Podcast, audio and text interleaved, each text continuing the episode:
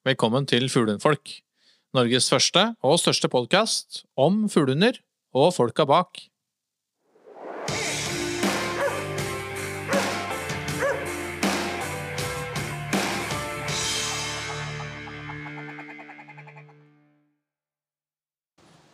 Hei, Bjørn.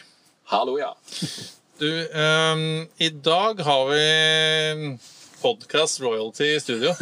ja jeg, jeg kjenner det litt på meg, liksom. Jeg kjenner det sånn der, eh, Jeg er litt sånn starstruck på en måte. Ja. Skal vi avsløre, det kan jo avsløre sjøl, gutta. Ja. Jon Petter Meldingen. Og Jon Ingevik. Fra Jegerpodden. Yes, Ja. Det er veldig trivelig at dere har tatt turen i studio, gutter. Takk. Ehm, Veldig trivelig studio. ja, er, studio så far. Takk for det. Eh, Nei, vi, eh, vi sitter jo her i den, eh, vårt rullende studio. De som eh, traff oss på Camp Finnmark, så sikkert noe av det. Men eh, vi er på de nordiske jakt- og fiskedager i Elverum. Mm. Eh, og det er dere også, gutter. Yes. Eh, du, eh, dere er jo mest kjent for å være storviltjegere. Og nå sist også troféjeger fra Afrika. Men eh, for de av dere som ikke har eh, hørt den episoden, eh, så er den vel verdt å høre på. Det var veldig kult å, veldig kult å høre om din sommerferie. Takk for det. Eh, nå er du i en fuglehundfolk-podkast, og jeg vet jo at dere har avslørt at dere har hatt noen fuglehunder, så det hadde vært gøy å eh, høre litt deres erfaringer med fuglehund, og ikke minst fuglejakt. Mm. Eh, og om det er noe fuglehund på Forster på trappa. om det er noe forster på trappene. Det, det, kan- jo stå, Petter, vi er jo- vi er jo enige om veldig mye. Men akkurat fuglehunder også, der er vi jo veldig uenige. Ja, så Du har lyst på glatt og du har lyst på kort hår? Nei, men langhår og Jeg, er eh, jeg, jeg, Trang. jeg har jo vokst, altså, vokst opp med, vokst opp med, med fuglejakt, selvsagt. eh, Første felt rype som 14 jeg bygg- jeg, sånn å si 14-åring. og også, Det har vi snakka om på Jegerpoden, men eh, jeg fikk være med en lærer. Mm. Eh, Jeg hadde jakt som valgfag på ungdomsskolen i stedet for tysk. og Da var valget enkelt. Og så fikk jeg være med han. Han var ivrig fuglehundmann. Kenneth Mosike. Ja. Fikk være med han eh, på fuglejakt eh, på vinteren med irsetterne hans. Og det er liksom av det øyeblikket der med den hunden som gikk opp i stand eh, Det var jo helt, helt nytt for meg, så jeg hadde ikke sett det på film, ingenting. Og visste ikke helt hva jeg kom til. Og fikk se den hunden som gikk opp i stand der, og han redd på ski bakom. Og han liksom sa at nå må dere vente her, og så gikk han liksom fem meter lenger fram og fikk reist den rypa, og han felta, og hunden apporterte. Det, det var helt sånn, det var før- og etterøyeblikk i livet mitt. da. Ja. Jeg har alltid vært glad i hunder og fikk min første hund som, som seksåring. Så alltid liksom, men, men jeg har aldri hatt et forhold til jakthunder. Det var liksom, Der våkna, våkna jeg med jakthunder. Um, Nå kom den ATV-en. Beklager det. Nei, vi, er, vi sitter jo ute, så det er litt bakgrunnsstøy. Ja. Du bare kjør videre. så det, er liksom, det var sånn før og etterøyeblikk i livet. Og da var det for min del ett og et halvt år med masing. Uh, før eh, mamma og pappa sa at jeg, kunne kjøpe min første fuglehund, ja, rett før jeg var konfirmert. Og det var en Nisjeter, da. Uh, fra Midtjyløra. Som Kenneth hjelper meg og var veldig mentor for meg både med å finne den eh, kullet og, og hjelpe meg med å få til den første fuglehunden. Mm. Så eh, det er en hund og en jaktform som jeg, jeg har jo jakta på fuglehund etterpå, men eh, eh, som sikkert mange som hører på fuglehundfolk, kan eh, kjenne seg igjen i. Så det går an å låne hund òg, men det blir aldri helt det samme Nei, det er ikke egen. Så, eh, så det, det er det som har forma interessen både for jakthunder og, og, for, eh, og for at jeg tror at den jaktlysten er så sterk som den er i dag. Da. Det kommer jo fra det. Ja. Men kan det måles med å skyte elgokse i stålås med egen hund? Ja, ja. Ja, Tiur, tiur, ja. Men altså. Jeg, jeg, jeg jakta litt rype òg, men for meg var jo fuglejakta synonymt med skogsfugljakt. Ja. Og det å skjøte tiur for uh, egen hund, det er på akkurat samme nivå, ja. Mm. ja. Er det noen, eh, er det noen eh, planer? Ja, altså, det, jeg skal få fuglehund, ja. Helt åpenbart. eh, Det er litt sånn timinggreier, men nå har jeg jo en gutt som, er, som blir sju år i år. Mm. Så tanken er i hvert fall hvis jeg ser at han eh, tegner godt og har Mm. jaktlyst, Mm. så, så er planen i hvert fall at jeg skal ha en fuglehund som er, er klart til å og jeg kan prøve å få til å funke til han kan begynne å være med på jakt. Da. Ja, kult. For Det har jeg sett hvor viktig det var for meg, og det har jeg lyst til å gi videre hvis han har lyst. da. Ja. Og så er, det, så er det noe med det enkelheten med fuglehund og fuglehundjakt. Og så har du noen eh, timer ledig på, på ettermiddag etter jobb eller eh, tar kveldsøkt og sånt. I forhold til det vi driver med nå med, med spisshunder på elg. Ja. Da har du noen timer til, til god, så Du må ha mange timer til god. du må ha en dag til god. Ja. Mm. Men med fuglehund kan du bare dra ut og jakte en par-tre timer. Ja, dere som er så heldige som bor der hvor dere gjør, kan Ja. gjøre det. Ja. Ja, altså, nei, så jeg savner den eh, både altså, Det er mye jeg savner med fugler. Både eh, altså, det, er enklere å ha dem da, altså, med hunder som du kan ha litt løs og kan springe litt rundt. Sånn. Med Hunder som vi har nå, så tar du av båndet, så, så ser du, tar det noen timer for å ser dem igjen. Ja. Og jeg elsker jo det, altså, for all del, men, eh, men jeg savner jo den det. Og så er det jo tar så lang sesong. Da. Fra 21. august, når du kan begynne å trene og dra til Sverige og, og holde på liksom helt ut februar. Det så mye lengre sesong. Mm. Så, nei, så det blir fuglehund igjen. eh, Det blir det helt klart. Uh, Du nevnte at dere var, ikke var enige om uh, hva, hvilken skumle planer har du på fuglehundsiden? Nei, jeg skal ha issetter igjen. Du skal ha issetter. Ja, jeg skal ha fuglehund. Ja. Ok, shots fired. uh, ja, da mm, Det er jo en fin glidende overgang til hva som Han er eh, ferdig, han nå. Var det jeg skulle si, litt om. Hva, hva slags hund er det som eh, er ekte fuglehund? da? Nei, det er De trenger ikke være så store, vet du. Nei. Så det er Bretton som Det er Bretton, Ja, Ja. det er det. Så, men jeg hadde jo en helt annen inngang til Det var jo samme til meg. Det var, det var fuglejakta som var, som var inngangen til jakta. Mm. Uh, Farsan uh, flytta jo litt eh, rundt omkring i forbindelse med Forsvaret, men når han bosatte seg i, i Namdalen han på 80-tallet, så kjøpte han seg fuglehund. Og, eh, og hadde det lenge. Og så, og så eh, broren min kjøpte seg fuglehund. Eh, og da ble det naturlig at når jeg begynte å bli tror jeg var 10-11 år, da brukte han farsan meg som et redskap for å kjøpe seg en, eh, en ny en til. Da.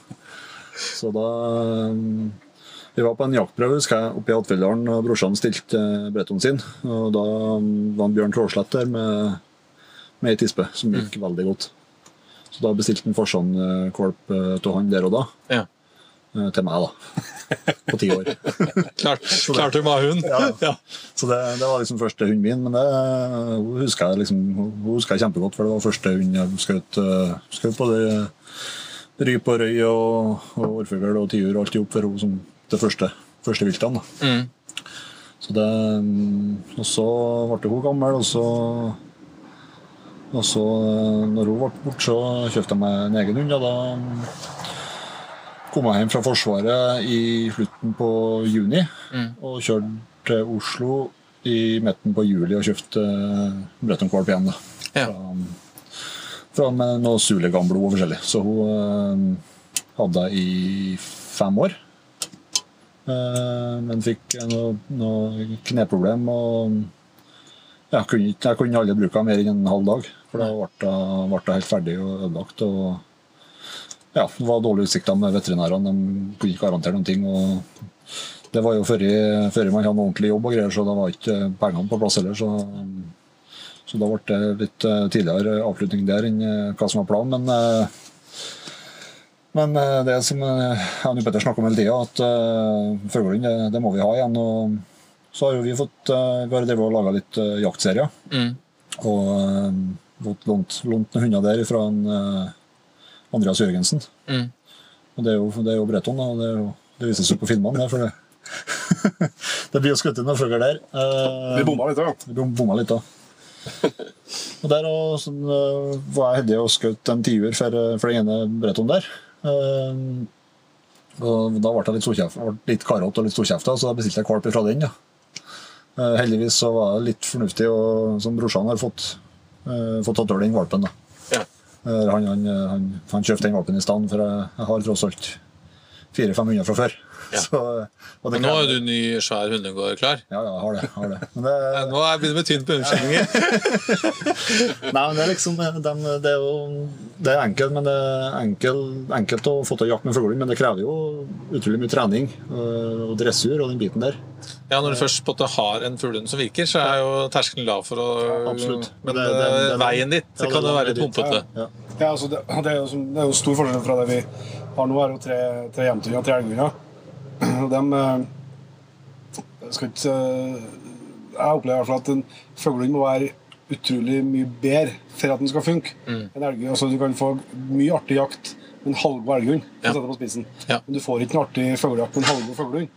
Nei, det blir ikke så mye jakt av det. Nei, så, så, så at, eh, det er jo absolutt en sak at du må jo vite at du har tid og kapasitet og, og motivasjon til å gå den veien.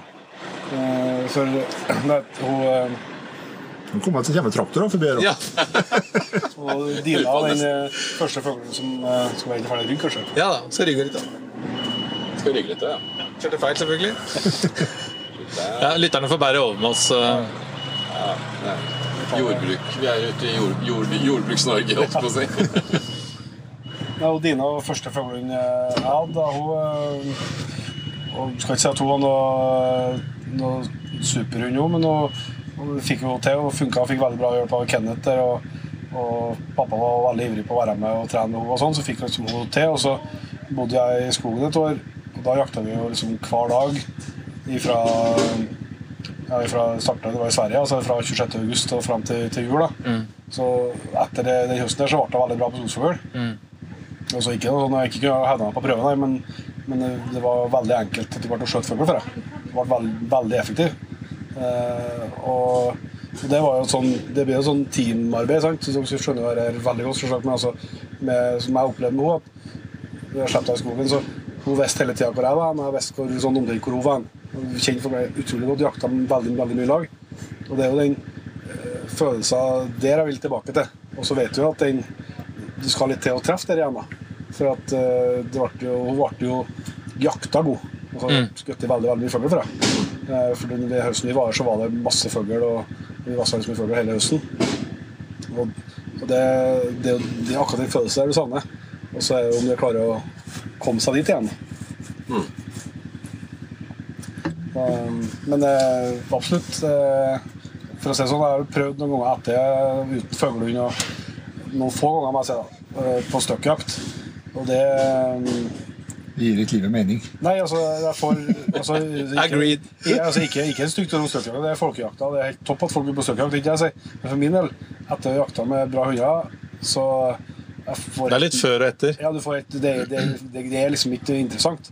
Og så er det jo akkurat, det er akkurat sånn for min med elgjakta òg. At for meg å, å felle en elg som det ikke er en hund bak, eh, som har jobba fram den, om- det blir ikke den samme følelsen. Eh, det er den der eh, Det å nå det målet sammen med hund, som er, som er liksom det som er ypperste av jakt for min del. Ja. Og da, da gjelder Det er veldig fascinerende når det virker. Ja, det er det. Ja. Du, som du skal bruke et, et dyr til å jakte et viltdyr, og når du da får det til å funke sammen, så er det liksom meg ikke noe som, som måler seg med det. Og da, men når du først har kommet dit, så, så står det litt støkk. Du kommer liksom ikke tilbake ja. Nei, det er før og etter. Ja.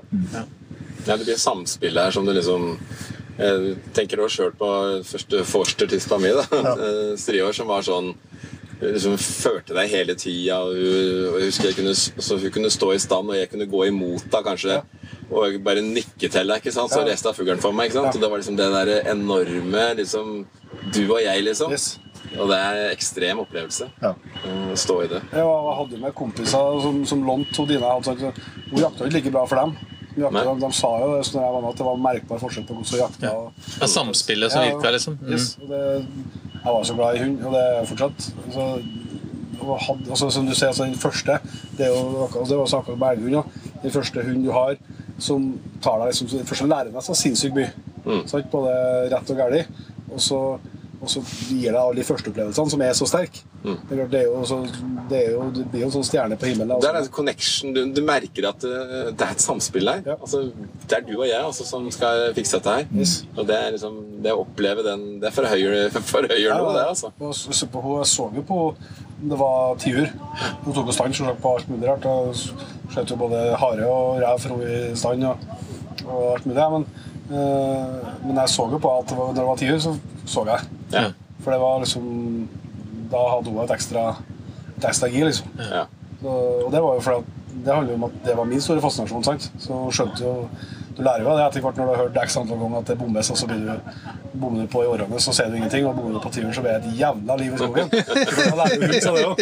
At det er noe som betyr litt mer, og Ja. motsatt når det treffes. Så Nei, det var, det var Men du eh, Trøndertiur. Mhm. Veier de minimum fem? Ja, men de er ikke minimum fem, men, øh, men øh, vi syns det er veldig fascinerende å følge med den, den der dialogen der. Altså, debatten der. Vi, vi også. Vi er jo ikke så heldige her nede på mm, sentrale Østland. Eh, Men, eh, men er, er tiuren så mye større hos dere? At den er mye større, det, det skal jeg ikke si, men men at, at, det, at det skjøtes en del tiur over fem kilo, det, det setter jeg Og den er ikke, den er ikke pumpa full av bly, eller? Nei. Jeg har, jeg har- en tiur på over fem kilo. En, ja. Så det er 5030 gram. ja. Og Det holder, det. Ja, altså, den, altså jeg, jeg, men det var jo før jeg på en måte var kjent med at dette, at dette var en sak. Da. Det er jo sikkert ja, ti år siden borte. Ja. Mm.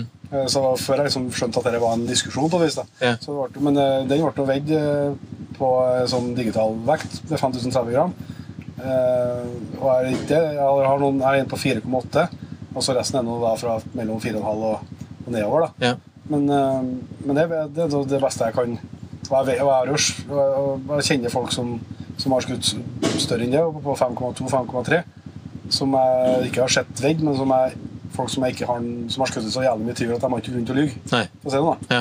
Eh, Så jeg tror jo absolutt at det, at det finnes. Og så får vi bare håpe. Vi hadde jo, det var jo så jævlig nært nå. Vi har jo snakka med broren Trond Inge og ivrig jeger. og han, Vi har snakka mye om det fra han har, et par turer over fem kilo. Og så skjøt han en i, i fjor. Det var fjorårs, var det? Jo. Da vi snakka med en som hadde første noe som skjøt en 50 må liksom, de må dra ned på postkontoret og få den veid på postvekta liksom, og få lagt ut og dokumentert. Og så hva han gjorde, men det var jo 4950. Så det var fuck. For Da, var vi liksom, da har vi jo bilde av logoen til justerverkstedet på sida av. Liksom, faen, det skal vi klatre over, da. Det ble, det ble ikke bra, der, vet du, for at, eh, da hadde jo en, en bærepose rundt tiuren. og for- Litt barbare skutt på postkontoret og hadde en død tiur liggende. Og da begynte komme unna. Ja, men han har sikkert stein i posen. Og, det var litt- Nei, så at det, at det fins, det, det er det i hvert fall. Men den, eh, det var en jævlig kul den, eh, jeg kan jo ikke si det var sånn, men mitt hode er sånn, det var tredje året jeg prøvde på den tiuren. Og den for fra den samme, samme grana tre år på rad. Og stand jo tre årene. De to første årene så gikk jeg inn feil. for Det var jævlig sånn bratt ling. Så gikk jeg inn feil. Det tredje året så da hadde jeg jo det tankene da vi gikk ut av bilen. At hvis det blir stand oppe her, så vet jeg akkurat hva jeg skal gjøre. Og da ble det stand her. Og gikk ned sånn som jeg burde gjort de to første årene. Og klappa på smell. Det var 5030 gram. Så ja, i mitt hode så er jeg samme timen, da. Det er sikkert det var, men det kan jo være det. Historien blir mye bedre hvis det er den samme. Mm. Um, uh, jeg tenkte jeg skulle være litt ubehagelig med dere. Altså vri uh, de spørsmålene dere normalt stiller til deres gjester, til dere. Ja, svær. Ja. Så skal, eh, jeg, det er jo ikke noen hemmelighet at jeg er glad i litt jaktutstyr. Stemmer. eh, eller ut, utstyr generelt. Men, men eh, kanskje dere kunne delt uh, deres beste tips, jaktutstyrstips? Mm. å kom på noe lurt, da. Er jo, vi snakker jo mye utstyr, vi òg. Uh, nei, det er som uh, Jeg kan komme med noe som er helt ferskt. da. Som er, som er, det er ikke noen hemmelighet at vi har jo noen kompiser som driver firma som heter Ravne. Mm. Eh, og dem har vi masa på nå nesten siden de starta med at vi vil ha en vannmestress. Ja. Uh, og det har vært flere prototyper og fram og tilbake og holdt på å styre med det der. Og nå er den her, Mm. endelig. Uh, og nå har jeg bare brukt prototypen så langt, her, altså jeg har ikke prøvd den nye produksjonsdressen, så jeg kan ikke uh, for tidlig anbefale. Men, eh, kan, men eh, Det ser lovende det ser veldig bra ut. Ja. Og, eh, og det er jo så Jeg syns jo det er helt Jeg kan ikke få sagt hvor kult jeg synes at vi har et eh, norsk merke som er, som er så annerledes og gjør så mye kule ting som jeg syns de gjør. da. Mm. Og den jobben de har eh, lagt ned, nå er vi på et vis gründere sjøl og, og vet eh, hvor tøft det er å ta sånne sjanser. Når du liksom skal tro om du har råd til boliglån en måned her. Mm. Det, det er en sånn ting som du lett imponerer over, ikke bare i jaktverdenen, altså, men overalt. som folk som tør å ta sjanser. Mm. Og de har virkelig gjort det. For å komme dit eh, Det de har fått til, det er borderline umulig. Mm. Hvis du ikke har masse penger bak deg. Mm. Og det har ikke de hatt. Så jeg er så ekstremt imponert over det. Og så er over produktet de har laga. Og den eh, nye dressen med Terago, det er jo kanskje ikke fugletips nummer én. Jeg er ikke så nøye på kanskje med vadmel, men vadmel er et undervurdert stoff. Det er fantastisk å gå i. Mm. Og jeg tror jeg, altså, Det er min påstand, så får vi se om jeg har rett, men om eh, ti år så ser du halvparten i, blant jegere med, med membranklær kontra hva vi gjør i dag. Mm. Fordi at det er bedre å gå i bomull, det er bedre å gå i vannmel. eh, det er bedre i membran 98% av dagene. Og så er det noen få dager der du må ha membran, der det er bare trist å være ute. Men det er så, det er så marginalt. Så ja, det kan jeg slenge ut som et, med et tips til høsten. da. Men det er, det er, eh, det er vannmel oppi der. Det er, altså jeg tenker, eh, tenker Trøndelag, så hører jeg liksom vømmøl. Ja, ja, det Ja, er, det, er liksom, det er det som er slengen. ja, ja. Ja. Det er For det er, det er det egentlig hos oss også. Her, altså på Toten da, så, Ja. så er det vømmøl. Og, og den generasjonen, sånn farsgenerasjonen min, de brukte jo vømmøl. Og bakover der òg. Jeg Ja, ja. husker første buksa jeg hadde sånn, Jeg var vel på en sånn speidertur, tror jeg, egentlig. Sånn som måtte ha på noe som liksom dugde og holdt meg varm. da Og da fikk jeg låne ei gammel sånn vømmølsbukse av fattern. Og jeg husker jeg var så, var så varm at det der var nesten litt for voldsomt. da Det har skjedd ting, da. Ja, for den er, den er jo for, Ja, det er vømmøl, men den er jo noe tynnere ikke sant, Ja, enn, det, enn det vi normalt sett Det er eh, det svenske forsvarets overskuddslager. eh, Det ja. er helt annet. Ja, som, du, du kan bare liksom sette, du kan sette den fra deg på til gangen når du kommer hjem. Liksom, for den, den er så tjukk at den står av seg sjøl. Ja, Ja. og så er, det- er det kun eh, vømmerne. Det er ikke noe, det er ikke noe netting eller noe meshfôr eller noe sånt inni. Nei. Det er kun eh, For det, det er jo en del produsenter som, som fortsatt lager, lager men, men i den, den ravnedressen så er det kun, kun eh, vømmøl. Vømmøl. Mm. Ja, um, ditt tips til uh, jaktutstyr? Eh, så blir det kanskje litt blinde av at vi driver nettbutikk nå, men uh, vi har jo noe annet spennende. Vi har ikke, vi har ikke den nettbutikken. Det har vi fortsatt. Nei, det har vi ikke. Men da må vi ta en for for snappebutikk. eh, Nå vet jeg ikke hvordan uh, vornsjekkene er blant, uh, blant uh, fuglehundjegere, men de, har jo, de kommer med helt nye sekker nå. Ja, jeg har sett det. Og de, eh, de har vi fått uh, testa i vår. Ja. Eh, og det er de har- Prøvde å fritte Jon Petter for litt tips og litt råd i, på Ja, de ja. morgensektene Ja, i går. det, Ja. altså det, det er natt og dag eh, på de, på de nye sekkene kontra de gamle. Litt mer tilpassa størrelser. Mm. Uh, Litt mer naturlig med 30-35-litring, og så er det en, en på 45. Ja. Og så er de lettere. Ja. eh, som som utgjør, utgjør mye på, på en dagsprosjekt. da. Eh, Så det er masse, masse nytt og, og mye bedre yt- ytterstoff. og De tror jeg kommer til, å, kommer til å gjøre det veldig bra med de, med de sekkene der. og Ja. Man anbefaler vi i hvert fall. Ja, altså, det er jo sånn det synes jeg det er alltid bra oppfordring. Altså, som vi tenker over bestandig, men altså, jakt, jaktverdenen er liten. Altså, vi er 5% som jakter i Norge. Men eh, vi har en del å være stolt av, spesielt på, på produktsida. For Du har sånne selskap som vi har nevnt i Ravne, og så har du selskap med Vorn, som lykkes så kjempebra internasjonalt. Eh, GRS. GRS, du har Atec. Det er flere liksom som har, som har liksom satsa og fått til helt fantastiske greier. Det, det syns jeg både man skal liksom tenke over når man er i butikken. Eh, og så syns jeg det er noe vi liksom kan gi dem en klapp på skuldra. Liksom, for at det er folk som skaper norske arbeidsplasser, og som lager veldig veldig bra ting. Ja, det, jeg, og jeg er helt enig med dere. Ja, Det er viktig å støtte opp om uh, små entusiastdrevne både selskaper og, og, og butikker, fandere. Yes. Det er viktig for uh, variasjonen og bredden i sortimentet og det å handle ja, Dette vet jo dere mye om som også driver, men det å handle av noen som på en måte bruker tingene. Ikke bare sitte i en forelesningssal og blitt fortalt at uh, du skal si det og det. Eh, det, det gjør noe med kundeopplevelsen og gjør noe med brukeropplevelsen etter at du har kjøpt det. Ja, ja. Så det er, det er et eh, Ja, er helt enig. Jaktdrøm? Ja, det er mange, mangeslungen. eh, eh, nei, altså, jeg har, det, det så mange, da. Nå har jo det sånn som ligger i bunnen, det er jo liksom Canada og, og stor elg og stor bjørn og, og den her. Og så har jeg òg en sånn drøm om å dra til Argentina og på duejakt. Åh, jeg håper du skulle si det. Det, er, det, Det er altså min eh, det, er, altså Jeg har så lyst til det. ja, ja, det virker jo helt gale, Mathias. Til 2000 duer Ja, ja, eh, i døgnet. Ja. Det er jo skuddene som koster, ikke jakta. Ja. Så, så det er også, så er jeg veldig gira til å har lyst til en tur på Grønland og på moskus med hundslede. Det er en drøm. Og eh, så har jeg, kan jeg vel etter Afrikaturen så har jeg jo sett på nettbanken og det dukka opp en konto som det står Bøffel på. Som det fasttrekk til. Det er ikke buffer, men uh, bøffel. Så, så, Så nå, du også har bøffelkonto? Ja. så eh, det, Nei, det er utømmelig, men eh, nå har jeg veldig lite erfaring med å med å dra til utlandet. og Jeg ville aldri bytte bytta jakta her i Norge mot, mot nå, men samtidig det er som stadig får opp øynene for dere å, å oppleve annen, annen jaktkultur, andre jegere. Mm. Treffe andre jegere. som Du snakka om den turen til Afrika. Altså, det var en fantastisk tur. Noe som det sterkeste min, det er jo å være med lokale trekkerne. som en som Johannes som vi hadde med her, som har har vært trekker i nesten 30 år. da. uh, og anslå at han hadde mellom 300 og 350 jaktdager i året. Mm. da, det fins ikke noe i Norge som har jakta så mye.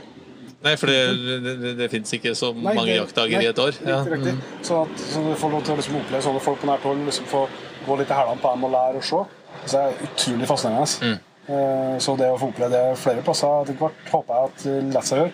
Det syns jeg er stort, altså. Men for all del, 20 spir skjærokse i Stålos, helt greit. Er Funker det òg? Ja. en, det er en stor drøm, det. Men også så, vi har jo bedre, har hatt en felles jaktdrøm om, eh, om eh, å oppleve brøljakt på hjort. ja. Det, eh, det er jo en drøm for oss begge. Da trakk den tilbake igjen. Yes. Ja. Fer- går fort med traktoren. Altså. Men det er vi jo så heldige at vi skal få oppleve i år. da. Ja. Eh, Vi har blitt invitert til, til Sogn til, til Njoar. Ja. Skal få være med han på, på brøljakt. Så det er jo høstens høydepunkt, egentlig. Ja. Um, Magisk. ja. Og så eh, Nå er jeg litt, eh, jeg er litt glad i å jakte på, på rovdyr, da, så, så har de jo veldig mye større katter borti, borti Canada og USA enn hva vi har her til lands. Ja. Så en eh, puma for hunder, det, det Henger høyt. Det, den henger høyt. Lar seg høre. Da, da må jeg ta lage en konto av det som står puma på. Um, ja, og um, da er det jo en his jakthistorie. Ja. Da blir det for to, da, men um, Ja, nei, men jeg kan ta eh, Det har jeg fortalt, men det er mange her som ikke har hørt på Jegerpoden. sikkert, Men jeg kan fortelle om min første tiur. ja. Eh, For det er jo et minne som aldri kommer til å gå over eller gå bort. Da, var vi, eh, da skal jeg legge til grunn først det at eh, Uklart, jeg har aldri vært god til å skyte, altså. men slet ekstremt på å få ned den første turen. I starten så var jeg veldig flink til å Det er lett å det. Det er ekstrem eh, Det, det bærer preg av at det skal være hundeutstilling på her i morgen. Det er altså Jeg tror vi er nesten litt ute etter oss her. Ja. Men han klarer ikke å rygge den, eller? Vi får klippe litt av i dette her. Bare litt.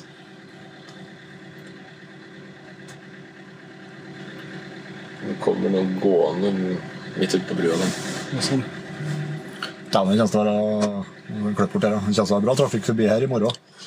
Skal 1500 hundeekvipasjer ut dit. Det er- så varmt at jeg syns det er nesten Ja, det er nesten Altså, det kommer til å Hvis jeg vurderte om vi skulle kjøre inn i byen og så kjøpe en sånn en sånn badebalje.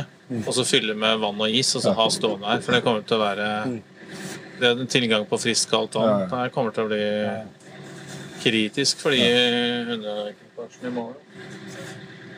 Jeg skal stille en hund, men den, den har, skal ringe klokka ni.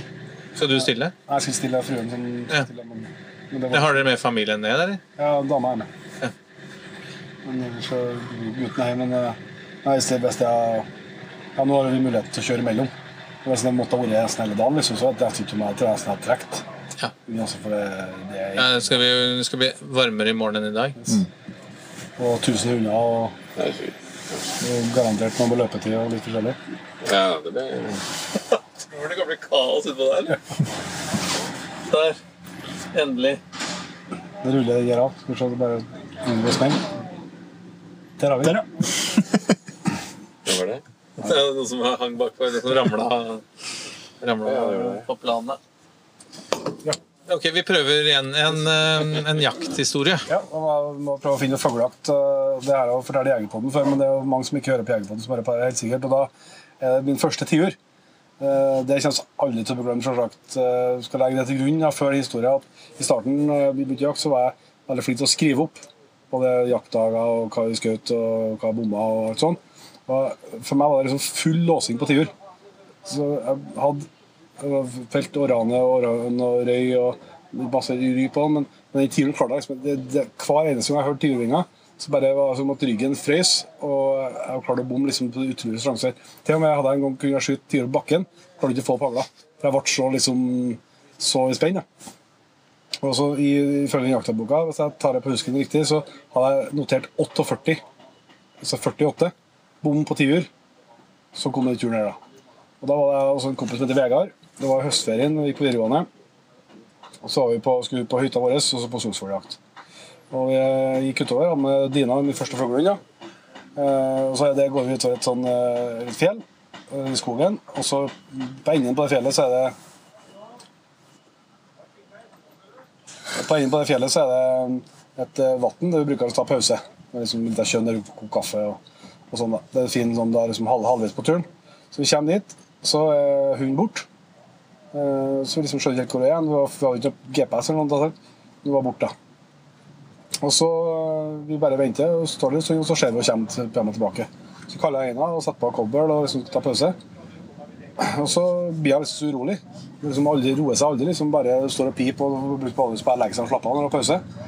Jeg sa til eh, Vegard at jeg tror bare jeg må slippe løs og se om det Det virker som det er noe, å peile inn på. liksom. Ja. Og så, så slapp vi slapp løs og dro tilbake samme veien som hun kom fra. Vi tenkte liksom ikke over det. Satt der og brødskiva hadde det fint. Og plutselig, ut av det blå, så får vi se at det kommer tiere lufta på tur imot oss. Som kommer ut over kjønna. Og um, vi har hagla liggende knekk på sida av oss. Og greier. Og Vegard får opp si hagl, og jeg får tak i mi, klapper sammen. Ser jeg at Vegard skjøt på den første tiuren. Og så er jeg opp på hagla mi og skjøt på den siste. Det var tre tiurer som kom i lag. Skjøt på den siste. Første skuddet, og ser jeg at jeg tar. Og så skal jeg dra i skudd nummer to, og så klikk. For da jeg liksom løfta opp hagla fort, og så klarte jeg å kaste ut skuddet, liksom. Så jeg har bare ett skudd i løpet. Og, og så står vi her, da. Liksom, hunden kommer etter, da. Og vi er liksom helt i, helt i skyene. Så får vi se en tiur liksom, på tur utover en dal. Så ser vi han snur, og så bare begynner vi å springe i retningen. Og så utpå oppå vannet så er det, et sånn bjørkefelt. Med fjellbjørk. Så ser vi en tiur langt ut dalen, så snur han og kommer tilbake rett imot oss. Og så bare krasjlander han inni, inni ei sånn bjørk. Og vi springer dit. Og Vegard han har skutt opp tiurer, så han sier liksom at der skal du få, bare skjøt den. Så jeg, nei, det var ikke den tiuren jeg skjøt på. Du må bare skjøte den. Så smekka han på, og så datt den jo opp. da. Så han var jo skadeskutt, og så kom han tilbake og skulle slå seg inn. da. Og den datt jo opp, og vi henta en tiur, liksom, og det var jo helt fantastisk og artig. og sånn. Da er liksom Vegard liksom, som ville gi meg en tiur, da, for at han visste jo hva jeg slettet med det her. liksom. Men det var jo ikke min. Og så sa jeg til Vegard at faen, jeg er helt sikker på at jeg traff, så jeg er helt sikker på at jeg var på den. Men det var bare én som ja. Men så, så, altså, vi, vi går liksom i retninga vi for. Bare sjekk, da. Ja, Nina var, da hun kom tilbake, hun var da med intervjueren. Sendte jeg henne i vei. Hun går ja, 150-200 meter, så går hun opp i stand. Og jeg går opp til stand, og hun vil liksom ikke fram. Hva faen er det for noe? Og så går jeg liksom, hun går opp til, helt opp til. Da ligger tiuren der tre meter fra henne. Steindød. Da var min der bare Å, fy faen, jeg var, jeg var så glad. Helt i skyene. Ja. Og ja, hele, resten, hele resten av den dagen liksom, er bare en sånn, bare sånn graut. For at jeg var liksom så i skyene. Og, og jeg har ikke kuttet noe voldsomt på tiur, liksom, men jeg har kuttet noen. Og etter det så løsna jeg. Da slutta liksom, sannsynligvis pulsen å gå opp til 200 så fort jeg hørte tyringa. Så jeg liksom slapp det. Og kjempa den der eh, Vi kom tilbake til hytta, så la vi begge tiurene på, på trappa. Og så skulle det komme en kompis som jakta seg dit. Og du kom på kvelden, og, og vi satt der liksom med en pils og og hver vår stiver på trappa, og så ser vi han kommer liksom sluker det gående opp i lia og opp på Norddal, kommer han opp til oss og har du sett noe? Nei, vi har ikke sett noe, så jeg, noe. Nei, han har bomma hele dagen, jeg har sett mye før, bomma, bomma. Nei, vi er ikke vi her, så kommer han, så, skjer den der to tyrer, så bare går ned og setter seg ut, ut og ser så, Det er en veldig morsom historie, og jeg har en sånn tiurforbannelse over meg også. Så jeg, um, jeg var helt sikker på at jeg skulle knekke den i fjor, men jeg klarte ikke det. Så jeg, jeg gir en sjanse til. Ja. Var det bare, det prøv å få til så at det blir mer enn 49 skudd. da. ja, det var mer enn 49, 49 situasjoner bom. Ja, sånn, Det ja. Det er såpass, ja. Såpass, ja. Det er bra. Ja.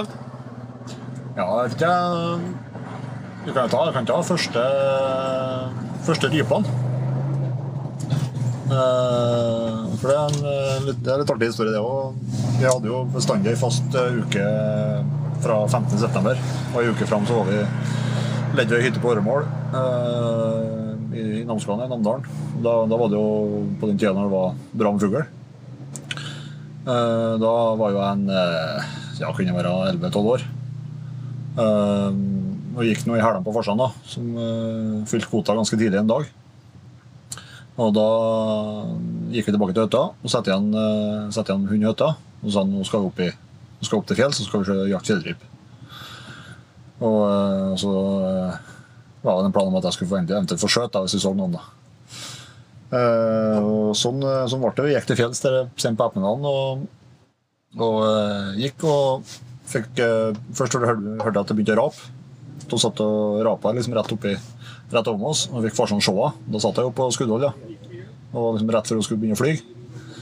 Uh, farsan har jo en uh, god, gammel Remington uh, pumpehagl. Som er, på den tida var, var kanskje ikke mye, men jeg var kanskje litt lenger enn henne. enn den hagla. Så det, hun passa ikke akkurat. Men uh, rypa satt jo på bakken oppe i steinhula der og, og uh, skjøt den, og hun trilla jo med. Uh, Farsan uh, sier jo fortsatt den dag i dag at han husker at uh, reaksjonen min når jeg så at den klappa opp og At jeg så ut som en fjellgeit når jeg sprang, bare kasta hagla fra meg og sprang opp gjennom lia for å finne rypa. Og det var jo selvsagt stor stas for en gutt som var litt for ung. Uh, så gikk det bedre til at vi, da skulle vi bare gå ned igjen. Så kom vi på en trapp og fikk vi se at det satt ei ryp nedom oss. Uh, jeg så nå selvsagt bare den rypa. Uh, det som en farsan så, som ikke jeg så, det var at det satt ei rett nedom henne. Så, så ga han hagla til meg og sa at du må skjøte den her, du. Og så gjorde han det. Og like glad da, vet du, og kasta hagla fra meg og sprang nedover og plukka opp den rypa. Og så, og så plukka opp ei ryp. Og så, så så jeg to meter lenger ned, det enda ei. Så det, da han skjønte at det lå at det var to som satt rett bak hverandre. Du ble Så jeg duble, ja. Så første, første gang jeg skjøt ryp, så skjøt jeg tre ryper på to skudd. ja, Det er en god start, det. Dessverre Ja, så var det det, var, var ikke noe fuglehund med, da. Nei.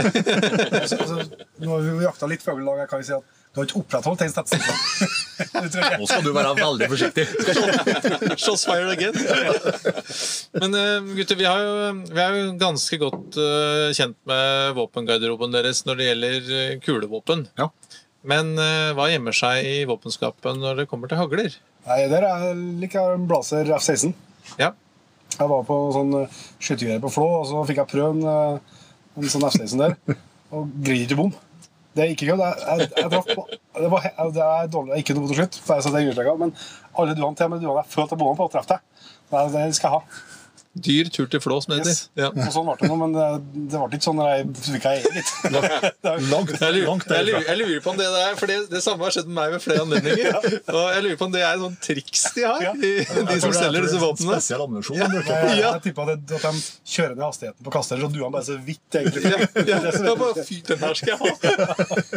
Så det ble en, det ble en eh, Blazer F-16. Jeg har hatt en eh, første jeg kjøpte meg etter konfirmasjon, kjøpte jeg en sånn Beretta Ultralight. Ja. Den var jævlig bra. Eh, og så Fin jentebørse. Ja. og ja, men det, ja, men jeg, så, når jeg skulle til Sverige det året, så ville jeg friste meg tre skudd. Trodde det var lurt. Så da kjøpte jeg en eh, Beretta sånn A400. Uh, halvauto. Da måtte jeg for å finansiere det selge den. Og det angrer jeg på etterpå, for den var bra, men jeg fikk aldri bruk for det tredje skuddet. Nei. Uh, eller i veldig veldig sjelden, og det var stort sett bom. Mm. Uh, savna jeg litt den Ultralighten, for at jeg ble litt for treg synes jeg, i skogen Mm. med den, uh, med den Berettaen, den halvautoen. Så, så da ble det noe etter hvert at den ble uh, bytta ut til den, den Blazeren. Ja. Jeg starta jaktkarriere med ja, Remington, da, for så den farsan, men jeg starta jaktkarriere med Star Baikal. Ja. Du er ikke alene om det. Det er mange som har starta med det. Ja, ja, Så, ja. ja, ja, ja. Og så eh, bestemte jeg meg tidligere at konfirmasjonspengene skal jeg ha kjøpt meg en eh, Beretta eh, Urika 391 AL. Eh, og så når jeg kom på konfirmasjonen og skulle sette meg etter middag, så lå jeg sånn her på, på bordet. Så da farsan har vært kjøpt den, ja. Så da, da ble det, ble det rifle samme konfirmasjonspengene, men den har jeg ennå. Hagla. Ja. Den Berettaen, uh, Urikaen, den, den har jeg fortsatt. Og, og den funker som bare jarn. Uh, den skal ikke jeg kvitte meg med. Nei. For det er bestandig kjekt å finne, finne den hagla i, i skapet. Uh, og så har jeg en drilling i tillegg i kaliber 20. Ja. Men, eh, men titt og ofte så eh, hender det jeg bruker halvautoen en del også, for jeg føler sjøl at jeg har skjøt ganske bra med dem. Ja. Så, når så lenge den funker og går, så Så eh, Nei, det er jeg veldig fornøyd med. Men eh, det står jo 12. august i kalenderen, gutter. Og vi er to dager inn i bukkjakta. Har dere skutt noe bukk, eller? Har du ikke prøvd, eller? Har du, har, du, har, du har prøvd, har du Ja, ikke? Det var av Jeg visste det der. Jeg visste det det var- skulle komme. Jeg visste det der skulle komme. Ja, ja, ja. Men eh, nei, vi ikke noe Sist vi var på Jakt stand så hadde vi jakt, og det var jævlig bra jakt. og knallbra. Men det var stort menn. da, At du opp klokka fire om morgenen og begynner jakt, og så står på stand eh, fra ni til seks, og så ut på jakt på kvelden igjen. Ja. Så, eh, I tre dager. I tre- tre-fire dager. Så det, det var for tøft, rett og slett. Ja. Så, I år så takka vi høflig nei til, til den jakta under, under Jakt. Ja. Klarer oss med, klarer oss med jobben på stand. Hvis dere lurte, så skjøt jeg bukk i går kveld. Gjorde det? Ja. gjorde? Nei, nei, nei. Gratulerer.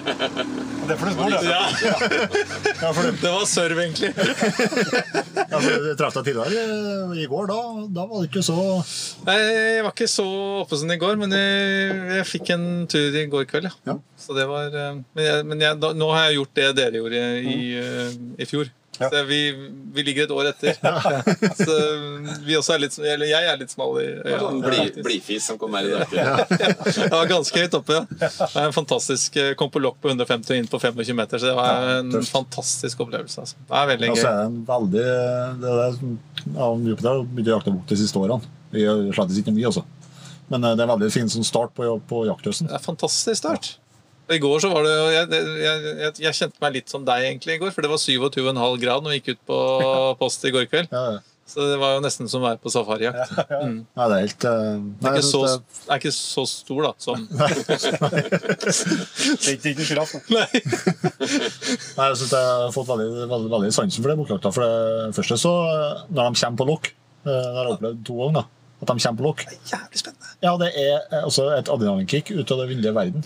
Altså at jeg traff en selv på 25, for jeg hadde så kneskjelv og skjelv i hele Da boka jeg på lokka, det var sånn, Vi så vi på 400 meter rundt.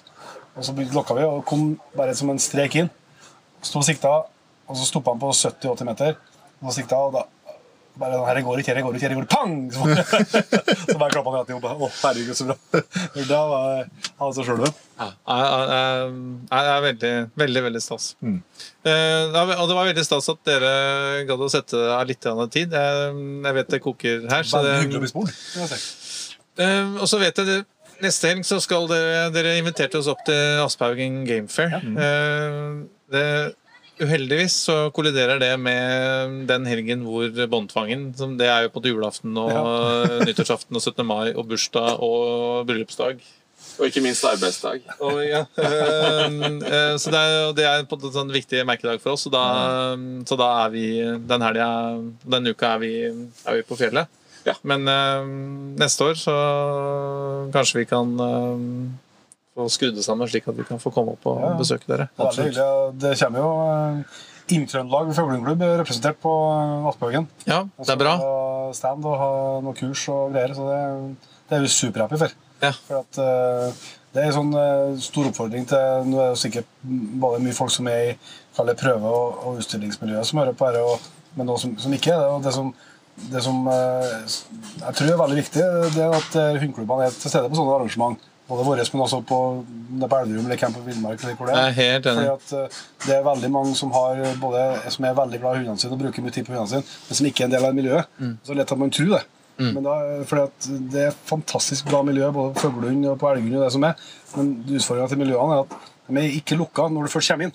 Nei, nei, det er Men det er liksom det å få lov Men det oppleves litt som lukket Yes. når du står på utsiden. Yes, så, så, så Derfor så er det så viktig at jeg er til stede på sånn å åpne opp og vise og fortelle hva, vi kan, hva klubbene kan hjelpe til med, og hva de kan bety for, for hundeholdet og for hundelivet til den, de hundene du har. Ja, det, det var jo på en litt sånn hovedmotivasjon, egentlig, Mm. for å starte Fuglehundfolk-podkasten. Var det at eh, jeg skulle på en måte kjøpe min første egne fuglehund. Mm. Ja. Og så hadde det gått noen år siden jeg på en måte var i miljøet, der mine foreldre hadde fuglehund. da. Mm. Eh, og så eh, Ja, det oppleves som lukket. Det oppleves som at det er liksom få fora det går an å stille fornuftige spørsmål Ja. Og få fornuftige svar. Jeg husker jeg på en eller annen sånn fuglehund eh, Det har jeg snakket om dette før i podkasten, men på en eller annen sånn gruppe på Facebook. Så liksom, eh, hva slags bur liksom, anbefalinger til. Ikke sant? Og så får du sånn 'kjøp deg papegøye'-svar. eh, svar. Og da blir det sånn Ja, men jeg, jeg tror det er veldig veldig viktig for Og jeg, og jeg tror det er viktig at vi rekrutterer nye det både, og det, jeg, tror det er, jeg synes det er veldig kult at dere gjør den jobben dere gjør, for jeg tror det åpner opp, og det kan rekruttere. Og det, vi når ut litt sånn som vi også i, i Fuglen når ut litt sånn bredere. Og ja, at det, hvis det kan bidra til å bare rekruttere én ny Yes, er eh, så er det verdt det. Fordi, Ja, fordi det er det, det, er, det, bor, det er så mye flinke folk, det er så masse ressurser å ta tak i, men, men, det er sånn, men terskelen for å komme til de virker litt sånn Når du står på utsida, så virker det litt sånn Ja, så, eh, så det, det, vanskelig. det, da. er sånn, det er helt på det basale. Som et eksempel, når eh, jeg skulle melde på hundestillinga her, så er jeg usikker på hvilken klasse jeg skal melde på i. For det står ikke forklart hvilken klasse jeg skal melde på i. Det står noen måneder sånn, men så det, skal jeg junior, jeg skal unghund. Hva- Jeg kan jo også melde på i den. Men det er jo, det er jo, jeg skjønner jo det at de som har satt opp her og laga navnene, bare, gjør ikke det av vond vilje. Men, men de som er, er i miljøet, har vært i miljøet så lenge at de har glemt av hvordan det å komme inn og ikke visste hva ungdomsklasse eller juniorklasse. Yes. Ikke for å være, ikke for å være slem, men fordi at du, du, du kjenner så godt. Det blir sånn stammespråk av det. Yes, og det, og det med, med birr og biss og, og det er jo sagt eh, til noen dommere at det må gjøre, det må sette opp og så må du skrive i ordbok. Så at jeg skjønner hva det betyr når det står i, i bedømmelse av hunden min at vi har litt fransk åpning. Eller hva faen det var. Ja. Så, altså, med fransk åpning er helt annet. Ja. Jeg, Jeg er ikke skeptisk. Jeg er i utgangspunktet ikke negativ til det. absolutt ikke. Men det er liksom derfor Litt for tidlig på fransk. Ja. skal- Så- altså, og det skjønner jeg at Dommerne må jo ha sitt fagspråk for å seg mellom å kommunisere, men man er nødt til å fortolke det sånn at folk får, får, et utbytte og en opplevelse av at ok, litt sånn, ok, da kan jeg forstå det. Det, det må vi være flinke på. Liksom, nå er ikke jeg noe- ikke jeg noe sånn spesielt hundemiljø, men, men det, det må vi være flinke på å minne oss på. Og kanskje i, en, eh, i et styre så bør det alltid være hvert år være det én person som er førsteårsmedlem. Som Ja. har plass i det styret. Ansatt representant i styret. Yes, som kan, Ja. kan være med å lese gjennom alt vi sender ut. For det her skjønner ikke jeg. Hva betyr det? Og så bare, ja, men da skriver vi om det. For det er jo det er jo ikke at folk vil gjøre det vanskelig. Alle, alle, alle hundeklubber ønsker jo å få enda Flere. enda flere medlemmer. Nemlig. Men eh, ja, nei, det, er- det et veldig godt poeng. Og det, I de, de, de første episodene våre så hadde vi, en sånn, hadde vi ett ord. Et sånn stammeord Ja. som vi deschiffrerte og forklarte på en måte litt sånn så at jeg skjønte det. Ja. Uh, uh, og det, det, det er som og det, det tror jeg det er smart, da, for det fins altså jeg, Du skjønner jo, hvis du ikke kan og ikke Hvis du er fersk i det, så er det, det er uforståelig. Ja, det. Hva Rios er. Ja. Um,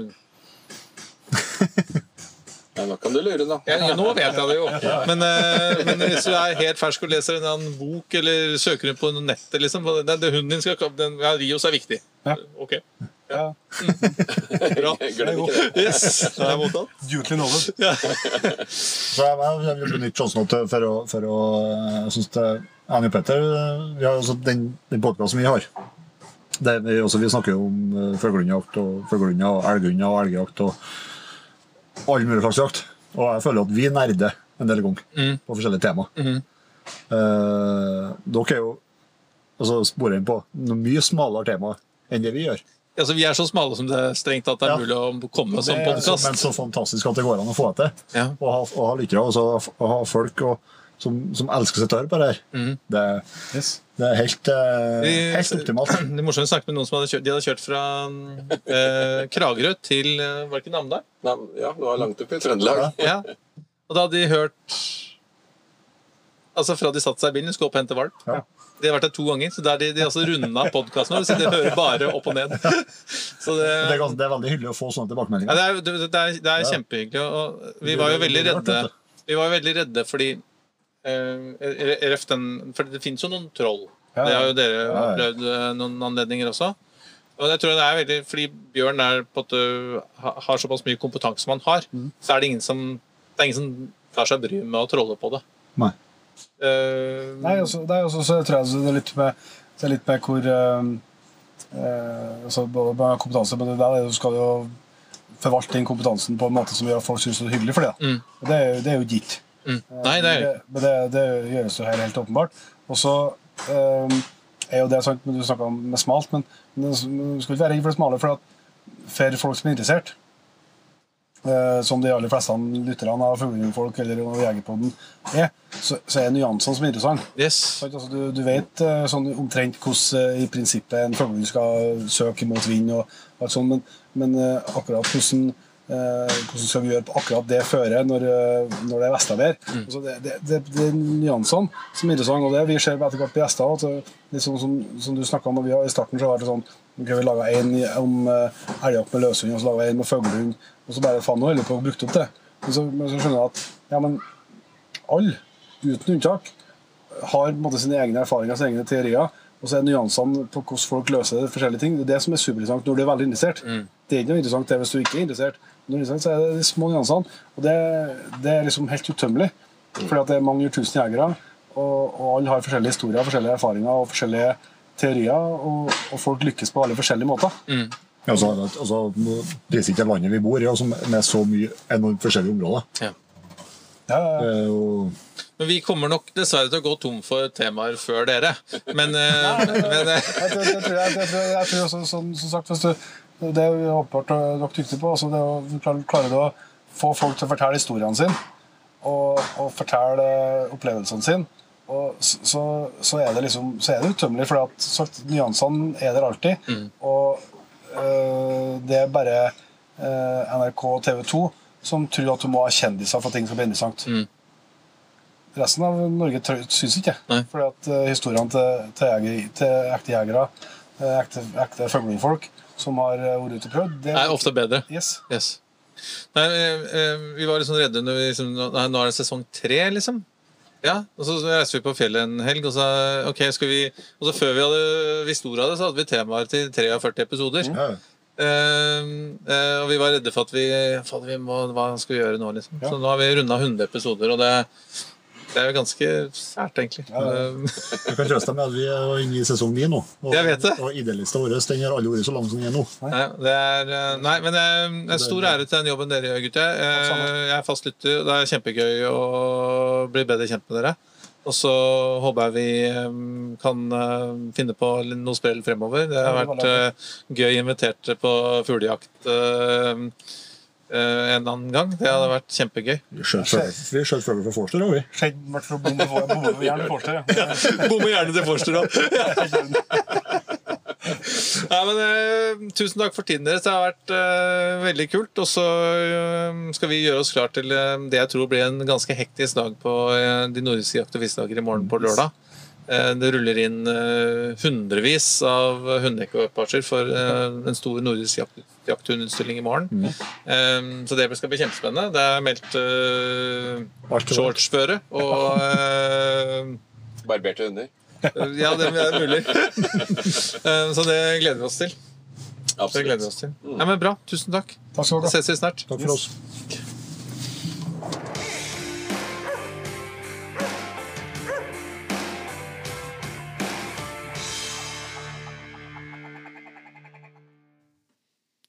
Takk for at du hørte på Fuglehundfolk. Følg oss gjerne på Facebook eller Instagram. Her kan du komme med spørsmål, eller dele tips og råd du tror at vi andre kan ha nytte av. Vi høres!